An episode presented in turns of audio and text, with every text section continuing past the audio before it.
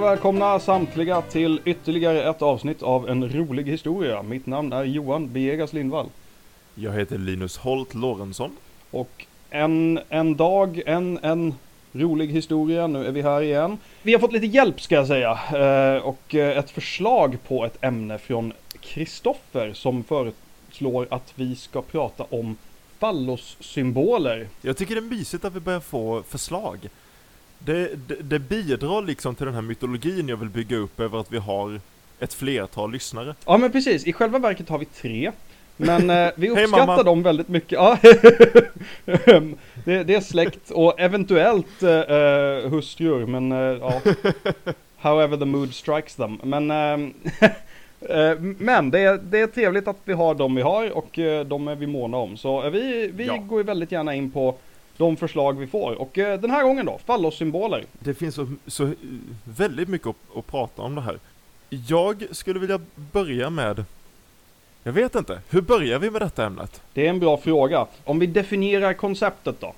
Okej, jag känner att fallosymboler är ju på ett sätt det lättaste konceptet att definiera. Sen Mm. kommer det finnas massa under ytan, men isberget, toppen av isberget är relativt lätt att se, för Ja. toppen av isberget ser ut som en penis. Mm. Det här ämnet har ju att göra med, alltså, dyrkan eller användningen av symboler som på något sätt relaterar till det manliga könet på ett eller Precis. annat sätt. Precis. Och där vill jag nästan börja, ska man definiera detta? Det här handlar ju om symbolik. Något av det roligaste med symboler är att alla symboler som existerar betyder egentligen ingenting innan vi ger dem ett värde. Alltså ett, ett, ett typexempel är ju svastikan Ja. som både kan vara en, en buddhistisk symbol och betyda sol och lycka. Och det kan också vara en nazistsymbol. Det det egentligen är, är bara en massa linjer. Mm. Tills vi bestämmer vad vi vill att de linjerna ska betyda. Precis, vi app- applicerar en massa, vi projicerar en massa, en massa värderingar på de här linjerna så att de helt plötsligt blir meningsfulla. Precis, och det gör ju fallossymboliken så himla fruktbar, om jag får, om jag får använda det uttrycket. I see what you Av den enkla anledningen att allt kan vara en snopp. Ja, Allt kan vara en snopp. Jag sitter i vardagsrummet hemma nu och jag ser så mycket saker som kan vara en snopp om jag vill att det ska vara det. mm. Och det gör att det, det, det, blir, det blir ett stort hav och, och, och simma runt i för att försöka hitta vad som faktiskt ska vara en snopp i historisk fallosymbolik och vad som kanske bara ser ut som en snopp. Ibland är det ju övertydligt. Ibland är det väldigt övertydligt. Eh, Det, Eh, och ibland, är det ju, lite ja, ifrågasättbart. Det är sant, sant. Eh, Ganska ofta skulle jag säga. Ganska ofta eh, så är det saker som antingen att man säger sedan tidigare att ja, men det här är en symbol för, för eh, en, en fallos eller en, en, en penis. Ja. Och eh, det är bara det är så man ska tolka det. Eh, eller att vi eh, tycker att det ser ut som det eller någonting i den stilen. Ja. Det där växer ju fram också. Ofta så vet man ju inte vad ursprungstanken kommer ifrån och ofta så kan det ju vara så. Vi, ja, jag vet att eh, vi pratade om tidigare nu, du kanske ville ta upp det här i en annan kontext, men just om midsommarstången. Att Mm. eh, den är ju eh, någonting som man ofta säger är en, eh, en eh, fallossymbol. Men eh, jag vet inte med mig att det finns jättelångtgående bevis för att så är fallet egentligen. Nej, midsommarstången är ju lite en, en, en historia som går åt båda hållen för att alla idag är ju, är ju medvetna om att det här är en, en fallossymbol Mm. tills man som du säger börjar läsa på och inser att det är det egentligen inte. Mm. Troligtvis. Midsommarsången har ju funnits i Sverige sedan det första bevisliga källan är, tror jag är från 1600-talet Ja. är det första gången man vet att det finns en midsommarstång i Sverige. Eh, och den har inte alltid varit den uppenbara penis som den är idag. Med två små ringar som hänger ner. Eh, Mm. Utan den har ju, det har i princip bara varit liksom lövklädda pinnar eller stänger liksom. som har varit någon, haft någon sorts vårbetydelse. ja. Jag hittade faktiskt, ehm, det finns en etnolog som heter Jonas Engman Mm. som skriver att midsommarstången har funnits med oss väldigt länge men någon fallossymbol är det knappast fråga om varken nu eller förr. Det jag vill ta fasta på där är att jag tror han har helt rätt och samtidigt har han helt fel. Mm. För att även om, oavsett hur lite midsommarstången symboliserar en fallos, så tror alla svenskar idag att den symboliserar en fallos, och då symboliserar den en fallos. Ja, ja. Jag har hittat en källa som säger att på 1600-talet förbjöd vi midsommarstången för att vi ansåg att den kunde ge upphov till anstötligt beteende. Och då måste någon ha tänkt på snoppar. Nu förbjöd Sverige allt på 1600-talet, för det var runt då vi förbjöd kaffe också. Mm. Men fortfarande, jag, jag, jag vet inte, jag tror att även om det inte historiskt måste ha haft en, en penisrelaterad betydelse, så, så kan det växa fram. Ja. Och som du var inne på innan så tror jag det är, det är ju mycket lättare att veta vad människor gjorde för än att veta varför de gjorde det. Precis. Och, och helt oavsett, om det inte var en penis från början så gör vi det till en penis till slut. Ja, Det, det, är, så vi, det är så vi gör saker. Men, men för det, det är ju det här. Det finns ju en, en uppenbarligen eh, när man tittar på hur pass mycket det här har varit en representation i, i alla möjliga samhällen. Jag skulle nästan våga säga alla samhällen. Nästintill Mm. i alla fall. I någon mån. Eh, att eh, det finns en väldigt stark, eh, det är en väldigt stark symbol. Alltså vi vill använda den Eh, för att symbolisera vissa saker. Ofta kanske fruktbarhet eller vad det må vara. Men, men och det, det är väl en sån sak som jag kan tänka mig att vi har inte blivit av med kanske det behovet än idag. Så därför, även om kanske midsommarstången inte från början var syftad till att vara en, en fallos, så ja men idag är det det. vi kan, vi kan ju gå igenom lite historiska exempel som vi har där det har varit ganska tydligt att, att fallosen har använts i ett symboliskt syfte av en eller annan anledning. Mm. Jag vill börja, och det är väldigt snabbt, men jag vill börja med att nämna en penis som vi har nämnt innan. eh, och det är Holhefallosen, Mm. som är världens äldsta det är en 28 000 år gammal sten som ser ut väldigt mycket som en penis. Ah, Och i, i porravsnittet så hänvisade jag till denna eh, fallosen som jag var och fortfarande är övertygad är världens äldsta dildo. mm. ja. Eh, och jag, jag, man vet ju inte så mycket om den, alltså varför den finns är ju väldigt omdiskuterat, så Mm. det finns inte så mycket mer men jag vill ändå nämna den. Precis. Vad har du för exempel på en eh, kultur som har använt fallosen? Oh, det är alltså egentligen alla. Eh, men eh, vi börjar, alltså de, de tydligaste exemplen kommer ju från de klassiska antika samhällena. Egypten, Babylon, Grekland, Rom, eh, Indien och eh, allt möjligt. Det finns, det finns överallt och det finns i ganska stor utsträckning överallt skulle jag säga. Mm. Ehm, faktiskt.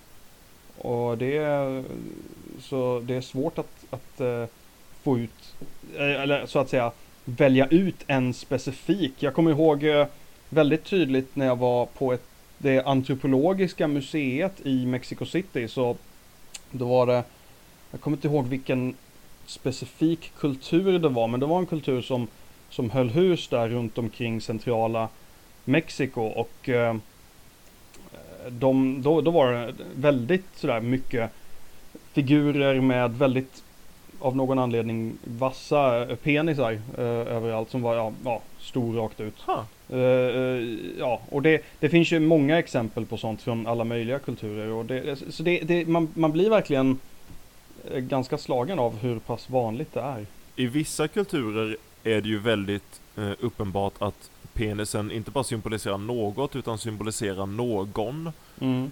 Eh, ett sånt exempel är ju just, du nämnde Indien. Ja, För i Indien finns guden eh, Shiva, som är en av de tre skapelsegudarna kan man säga. Mm. Och han är, han symboliserar, alltså hans symbol är en en fallos, en penis. Som Mm. kallas för Shivalinga. Och det är rätt intressant egentligen. För eh, Shiva, från början så var Shiva som idag symboliseras eh, som en man, vilket inte är svårt att tänka sig med Mm. tanke på hans symbol. Men från början så var han hälften hälften, han var både man och kvinna. Ja. Eh, han fanns i den manliga formen där han hette Shiva och han fanns i en kvinnlig form där han hette Rudra har jag för mig. Mm. Eh, men så, så småningom så, så blev han bara en man och så fick han den här penissymbolen. Ja.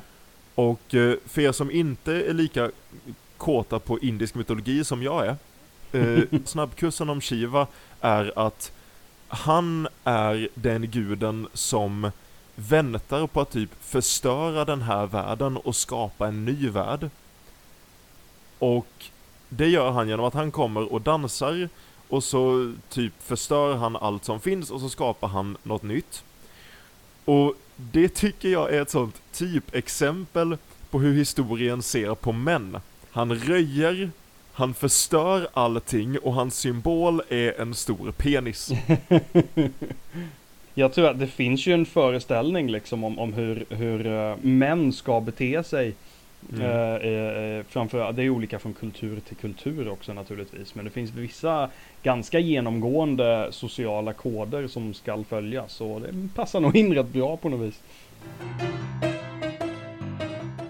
Eh, eh, ett exempel på, kanske inte en ren fallossymbol, men en symbol, eller en, ett konstverk om man så vill. Där fallosen är väldigt viktig är eh, Sön Abbas-jätten i England. Eh, Om det är någonting som du har hört talas om. Det är en sån här jättestor eh, Jag förkalkad... googlar inte alls just nu. Nej, precis. Eh, jättestor förkalkad eh, jätte i, eh, mitt på en äng i England med en väldigt, eh, väldigt eh, respektabel stående penis. Oh, Och, det, ja! Du har Ja, förstås ja. sett den innan.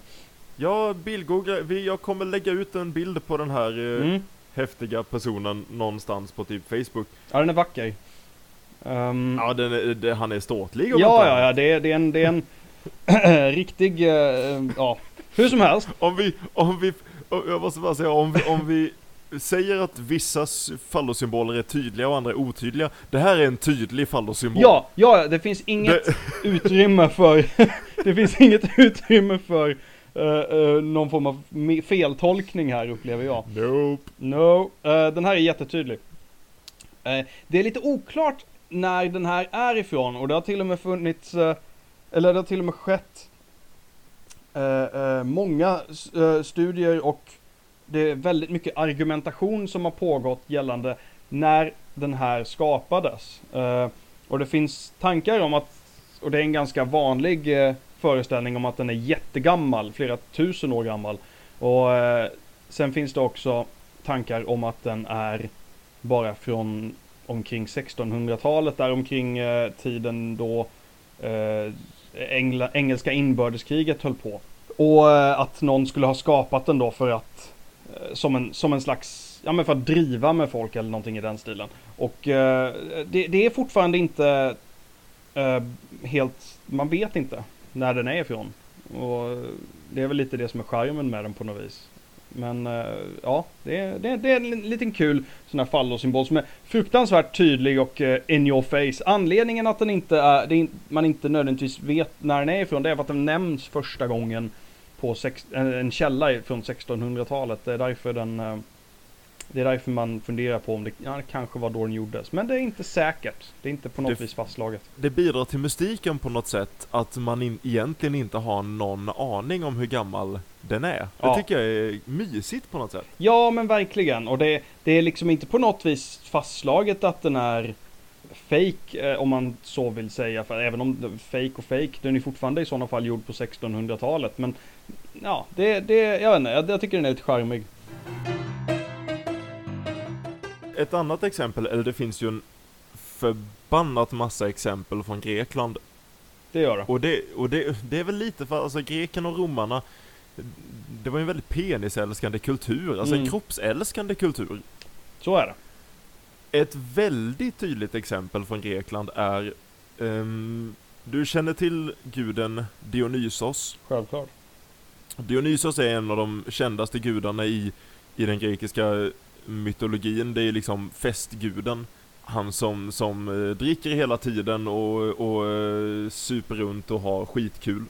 Han fick en son med Afrodite om jag inte missminner mig. Mm. Som heter eh, Priapus. Priapus är lite, han är fallosguden. Ja, ja. För att han har, jag vet har du hört talas om honom innan? Det är inte i någon nämnvärd utsträckning, nej. Ha- Hans grej är att han har Han har ett permanent stånd. Han har en, om du, om du bildgooglar Priapus så kommer du se en gud som har en, en väldigt, väldigt respektabel och konstant erigerad penis. Åh! Åh, vad Och han- roligt. Och han finns, det här är en av de gudarna för, för er lyssnare som har eh, som eh, har lyssnat på tidigare avsnitt. Det här är en av de gudarna som avbildades väldigt mycket i Pompeji Mm. och som därmed också blev bortkastad väldigt mycket när man upptäckte Pompeji. Mm. Men han blev också någon sorts symbol för, för hur, antingen hur mycket man dyrkade penisen Mm. förr i tiden, Mm. eller hur lite man tog sig själv på allvar. Jag vet inte vilket av det jag tror mest på. Det blir ju liksom konsekvensen av att man har en politistisk tro där alla gudar har en uppgift istället för att du har en, en allsmäktig gud som vi Mm. har i kristendomen till exempel. Precis. För har du massa olika gudar som har massa olika uppgifter, ja men då, då, då kommer det finnas en kukgud. Ja, ja, det, det är nästan oundvikligt. Jag kan inte sluta tänka på hur fruktansvärt obehagligt det hade varit. Tänk dig själv att gå runt med det där hela tiden. Det är ju helt fruktansvärt. Visst att de hade kanske lite lättare kläder för det på den tiden, men lik förbannat. Vad, vad jobbigt att stå i kö. Kan inte ens göra armhävningar. Han fuskar liksom. Jag kan inte ligga på mage i sängen. Han får göra ett litet hål.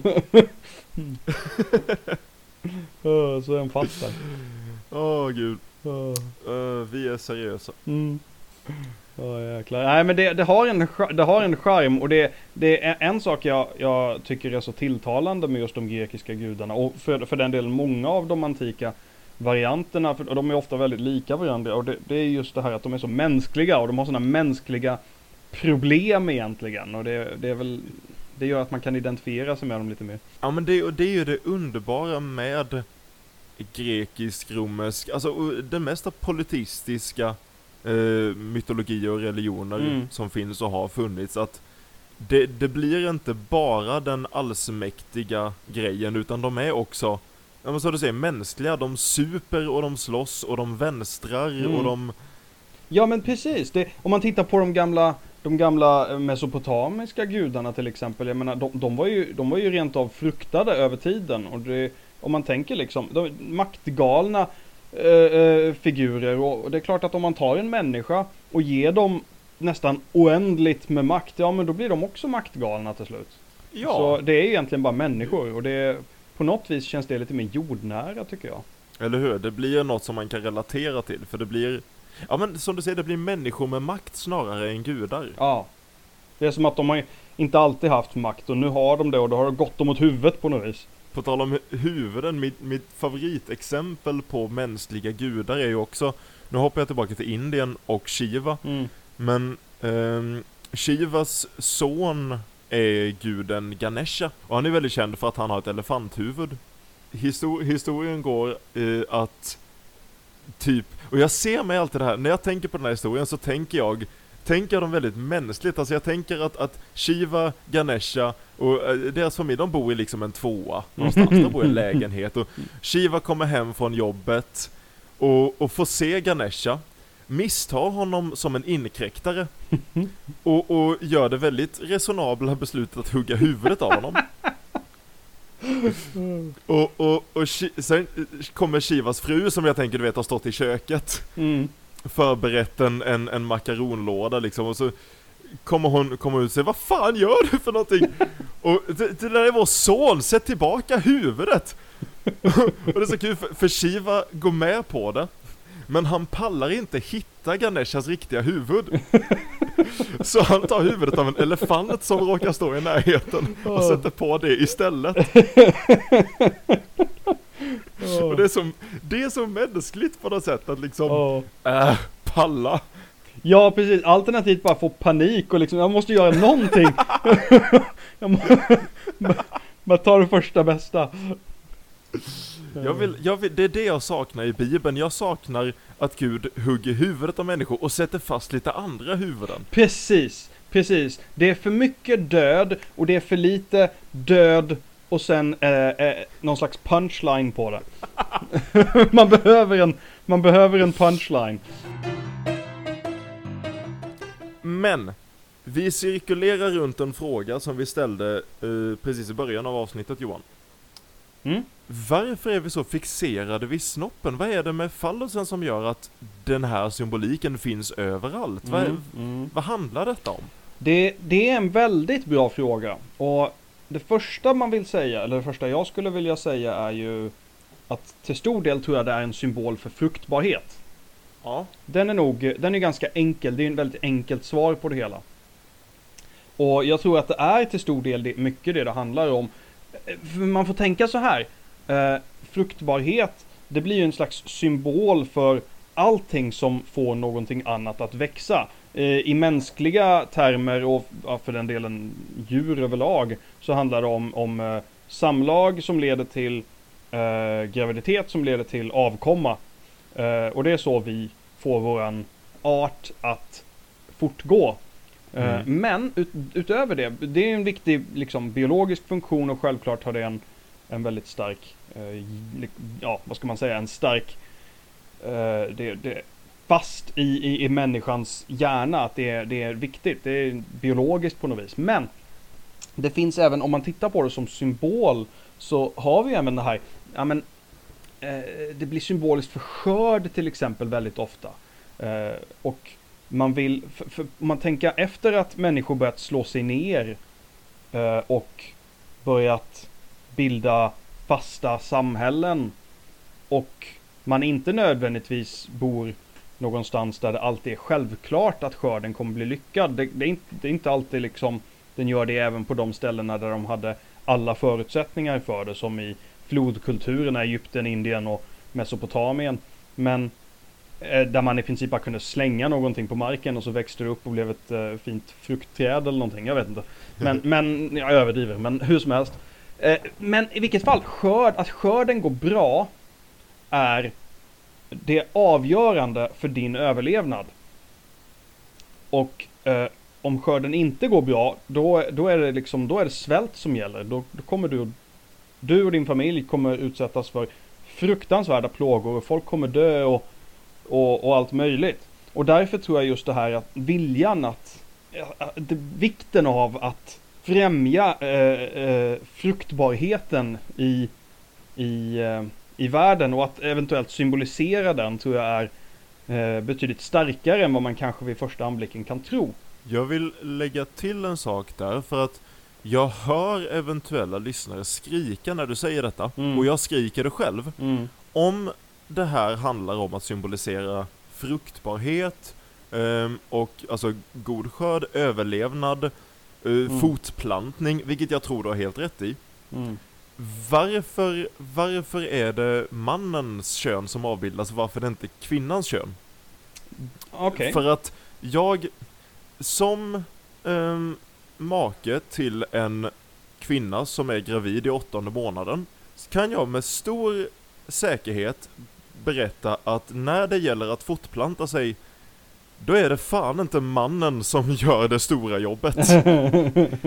Och jag började tänka lite på det, för jag tänkte också att det måste kopplas till liksom fruktbarhet.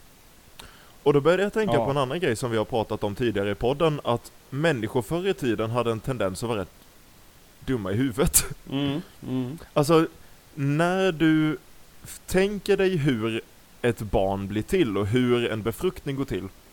Det är väldigt konkret, det är väldigt lätt att se mannens del i det hela.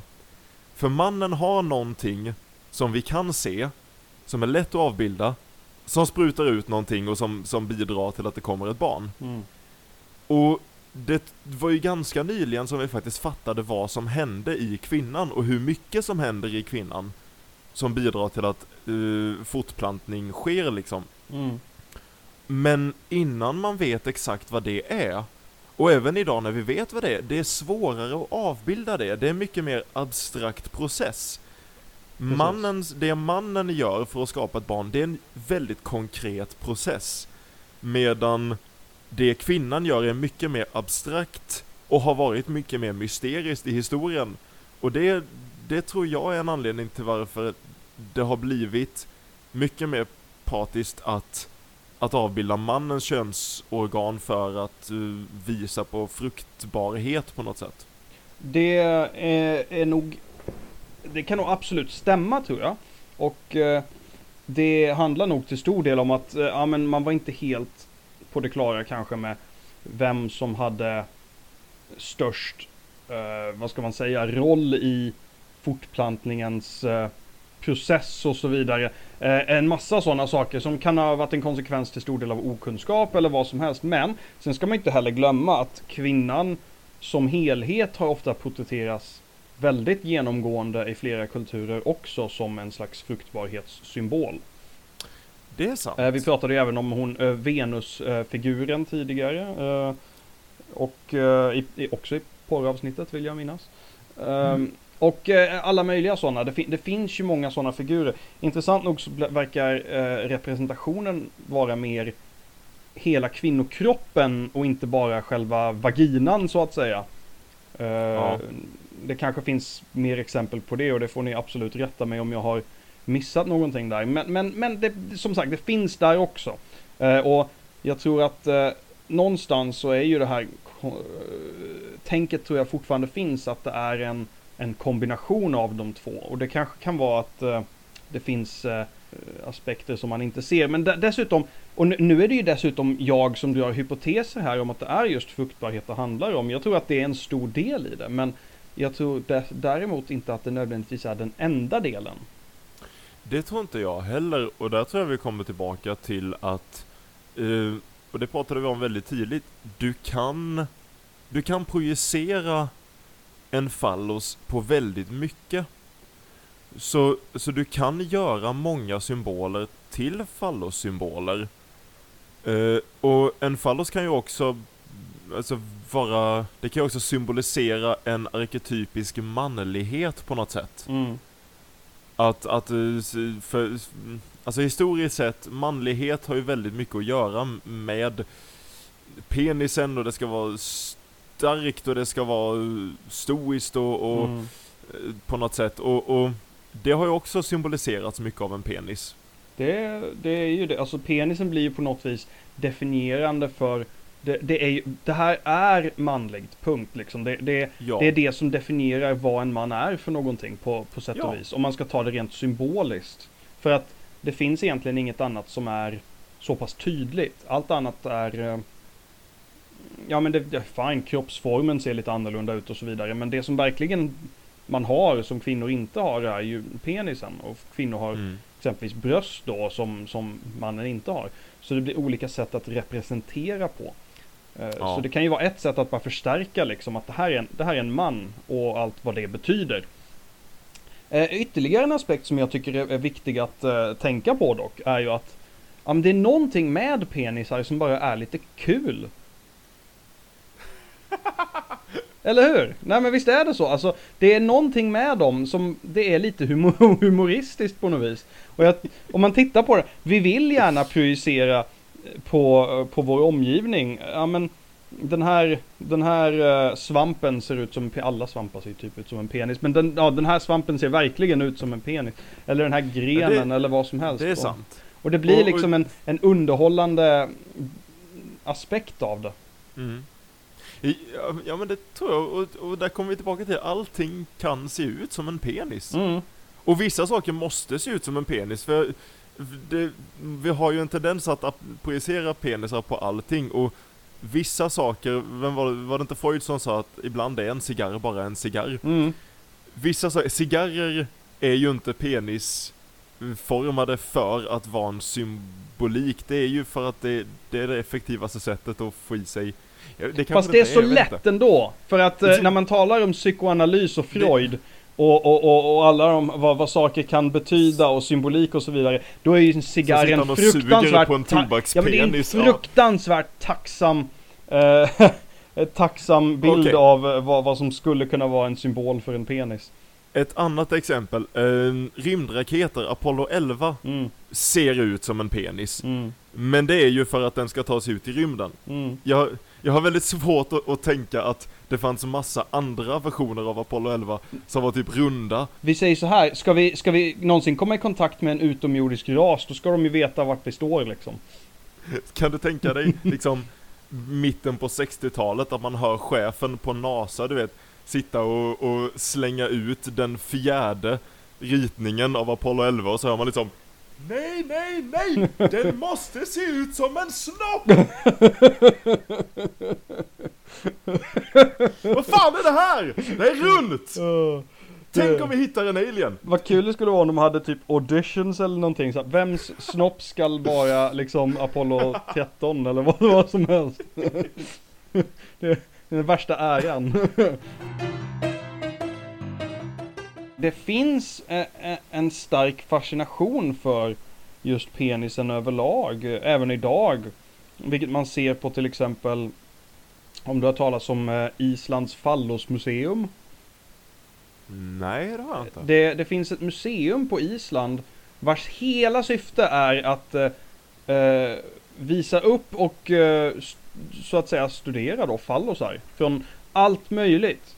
Eh, allt från valar till all, ja, allting liksom, alla möjliga djur. Eh, till och med har jag, har jag förstått det som eh, eh, fantasifallosar av, från olika saker. Och det som är intressant är, det, det här är då eh, ett har de, de, de vill då främja någonting som kallas för ett ämne då.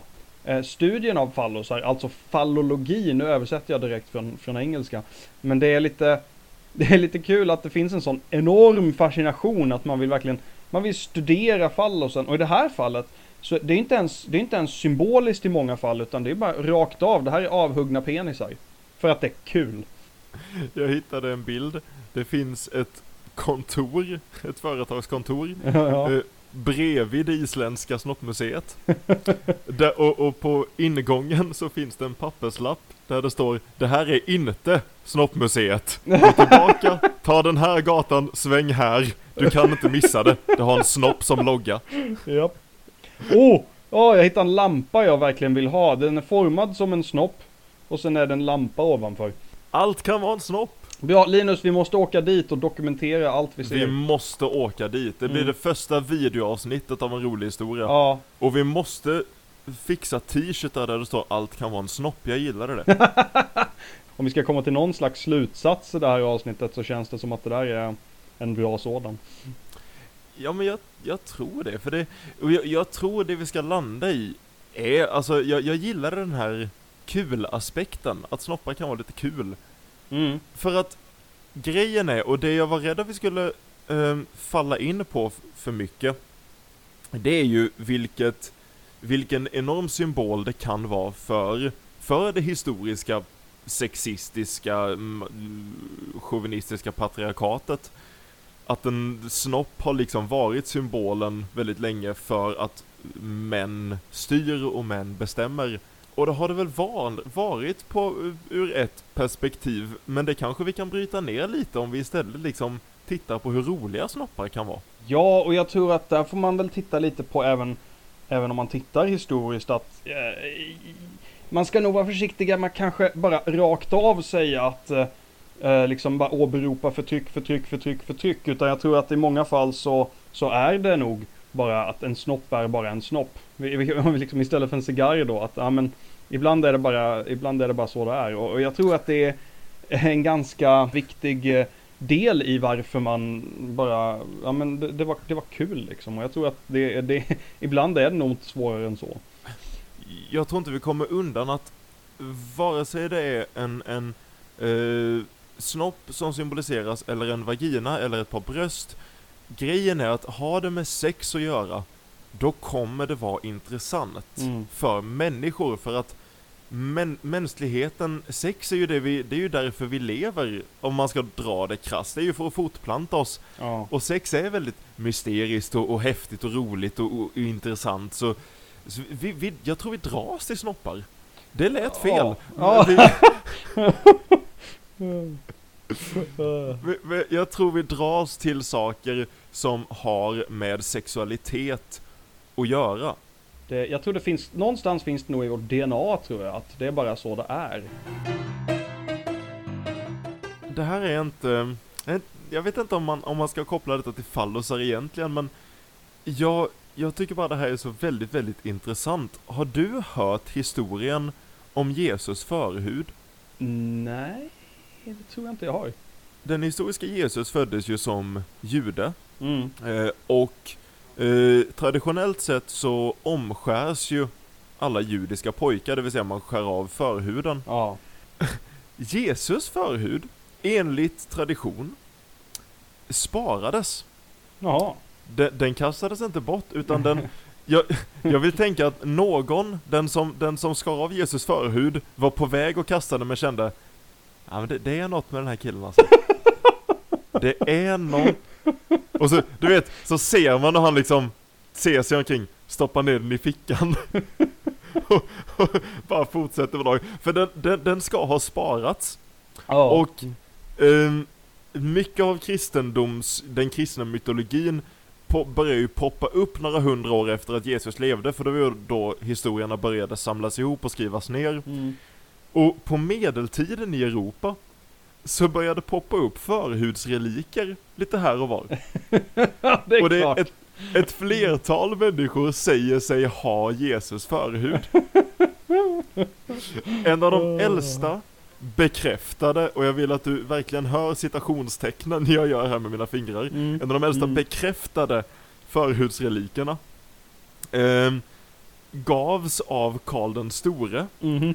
I present till påve Leo den tredje när han skulle krönas. Och den blev bekräftad. Och vet du vem som kom och autentiserade den här förhuden som sa liksom, ja ah, men det här är äkta vara? Nej. Heliga Birgitta av Sverige. Nej! Jo! Hon åkte till Rom, tittade på den här förhuden och bekräftade att det faktiskt var Jesus förhud. Och det var Leo- därför hon blev kanoniserad i slutändan. Finder Leo- of the Holy Foreskin. Leo förvarade Jesus förhud Mm. ehm, i en kista tillsammans så han hade uppenbarligen det här innan. Han förvarade den i en kista tillsammans med Jesus förgyllda navelsträng. det, så här, samla alla fem. Åh gud. Det var, det var den tidens hockeykort typ. Fast för väldigt, väldigt religiösa människor. Åh herregud. Förhuden stals 1527 av en tysk soldat. Eh, lite snygg detalj där. Eh, och den återfanns ganska snart och placerades för säkerhet i byn Calcutta norr om Rom.